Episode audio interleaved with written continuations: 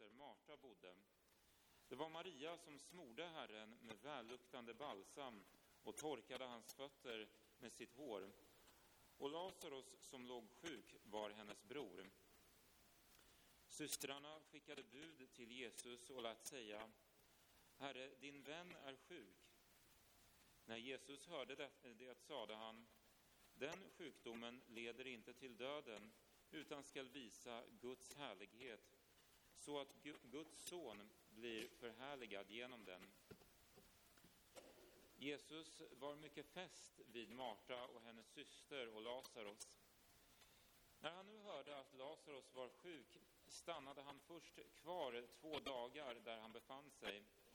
Men sedan sade han till lärjungarna, låt oss gå tillbaka till Judeen. Lärjungarna sade till honom, Rabbi, nyss försökte judarna stena dig och nu går du tillbaka dit. Jesus svarade, har dagen inte tolv timmar? Den som vandrar om dagen snavar inte, eftersom han ser denna världens ljus. Men den som vandrar om natten, han snavar, eftersom ljuset inte finns i honom.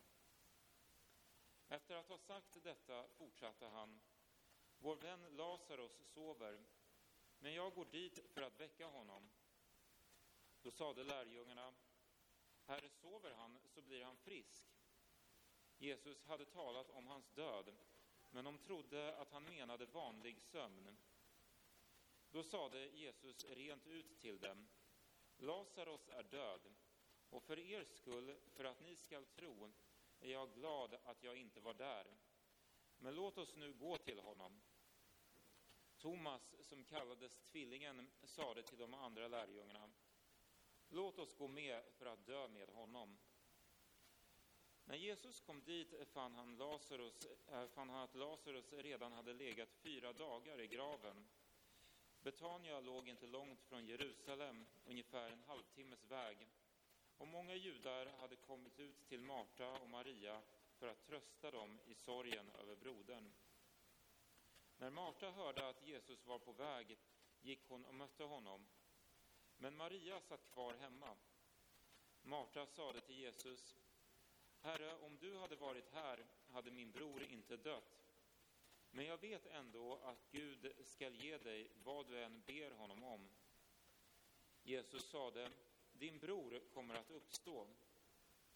Marta svarade, jag vet att han skall uppstå vid uppståndelsen på den sista dagen. Då sade Jesus till henne, jag är uppståndelsen och livet. Den som tror på mig skall leva om han än dör, och den som lever och tror på mig skall aldrig någonsin dö. Tror du detta? Hon svarade, ja, Herre, jag tror att du är Messias, Guds son, han som skulle komma hit till världen. Sedan gick hon hem och kallade på sin syster Maria och viskade, Mästaren är här och kallar på dig. När Maria hörde det steg hon strax upp och gick ut för att möta honom. Men Jesus hade inte kommit in i byn, utan var kvar där Marta hade träffat honom. Judarna som var hemma hos Maria för att trösta henne såg att hon hastigt reste sig och gick ut. Och de följde efter i tron att hon gick till graven för att gråta där. När Maria nu kom dit där Jesus var och fick se honom kastade hon sig för hans fötter och sade Herre, om du hade varit här hade min bror inte dött. När Jesus såg hur hon grät och hur judarna som hade följt med henne också grät blev han upprörd och skakad i sitt innersta och han frågade Var har ni lagt honom? De sade Herre, kom och se. Jesus full i gråt. Då sade lärjungarna, se hur mycket han höll av honom. Men några av judarna sade, kunde inte han som öppnade ögonen på den blinde ha gjort så att Lazarus inte behövt dö? Jesus blev åter upprörd och gick till graven. Det var en klipphåla med en sten för öppningen. Jesus sade, ta bort stenen. Den dödes syster Marta sade då, Herre, han luktar redan. Det har ju gått fyra dagar. Jesus sade till henne, har jag inte sagt dig att om du tror ska du få se Guds härlighet? De tog bort stenen och Jesus lyfte blicken mot himlen och sade, Fader, Fader, jag tackar dig för att du har hört mig. Själv visste jag att du alltid hör mig. Men jag säger detta med tanke på alla dem som står här, för att de skall tro på att du har sänt mig. Sedan ropade han med hög röst, Lazarus, kom ut! Och den döde kom ut med armar och ben inlindade i bindlar och med ansiktet täckt av en duk. Jesus sade åt dem, gör honom fri och låt honom gå. Många av judarna, de som hade gått ut till Maria och sett vad Jesus gjorde, kom till tro på honom. Så lyder Herrens evangelium.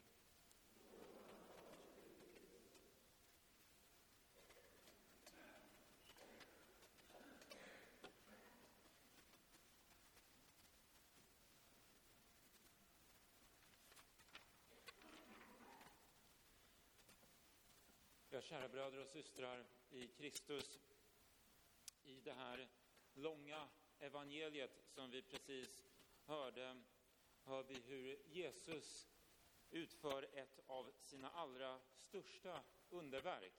Han uppväcker Lazarus från de döda. En man som redan hade varit död i fyra dagar. Vissa skulle säga att mirakel som det här vi just hörde om, om Lazarus uppväckelse från de döda, inte kan äga rum i verkligheten och att berättelsen vi precis hört därför måste läsas på ett bildligt sätt. I själva verket ägde de här händelserna som beskrivs aldrig rum, eller i bästa fall på ett mycket annorlunda sätt än det som de beskrivs på i texten.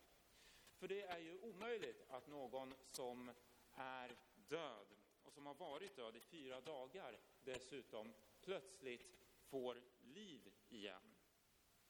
Man säger att historien om Lazarus endast är en myt som, skrev ner, som skrevs ner mycket senare av vem det nu än var som författade Johannes evangeliet. Fast stämmer verkligen det här synsättet? Är det verkligen så att Lazarus inte uppväcktes från de döda? Ofta när man frågar skeptiker av det här slaget varför egentligen mirakel inte kan äga rum är det sällan man får något väldigt klart svar. För det är i alla fall inte helt uppenbart varför mirakel skulle strida mot modern naturvetenskap. Och även om man vill hävda detta så är det ju inte helt klart exakt vilken naturlag som det var som bröts i och med att Lazarus uppväcktes. Och dessutom finns det många rapporter och berättelser om underverk. Till exempel krävs det för varje helgonförklaring två av Vatikanen godkända mirakel på det tilltänkta helgonets förbön. Jag läste bara häromdagen att eh, Vatikanen hade godkänt ett mirakulöst tillfrisknande på den salige Oscar Romeros förbön, vilket nu alltså banar väg för hans helgonförklaring. Och inte heller är det så att historien om Lazarus verkar uppenbart mytisk. Så det verkar som om vi med gott samvete kan tro att Lazarus verkligen uppväcktes från de döda. Men frågan, och den mer intressanta frågan, är ju varför Jesus uppväcker Lazarus från de döda. Jesus vill visa folket någonting. Han vill uppenbara för oss vad det eviga livet egentligen är. Och det är det här som är centrum i dagens evangelium. Och det finns även i texten, verkar som, lite förvirring kring den här frågan. Jesus talar om för Marta att hennes bror kommer att uppstå. Hon svarar att hon faktiskt tror på uppståndelsen. Hon tror att han kommer att uppstå på den sista dagen. Men Jesus verkar vara missnöjd med det här svaret. Han säger, jag är uppståndelsen och livet. Det är som att Marta inte riktigt skulle ha förstått vad själva uppståndelsen innebär. För Marta är uppståndelsen någonting som kommer att äga rum i framtiden, på den sista dagen, som hon säger.